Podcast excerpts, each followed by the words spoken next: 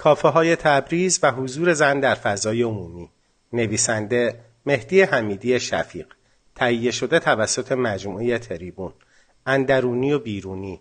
این دو مفهوم آشکارا واقعیت جنسیتی تفکیک فضا در معماری سنتی ایران را نشان می دهد.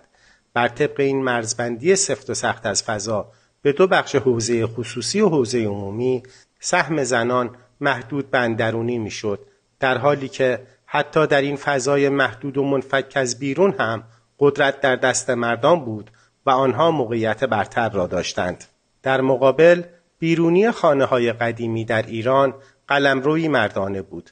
فضایی غرق شده برای مردان که دیدارهای مهم، جلسات سرنوشت ساز و تصمیمات حیاتی در آن رقم می‌خورد و پویایی زندگی روزمره در آن جریان داشت. زنان پردنشین از همان ابتدا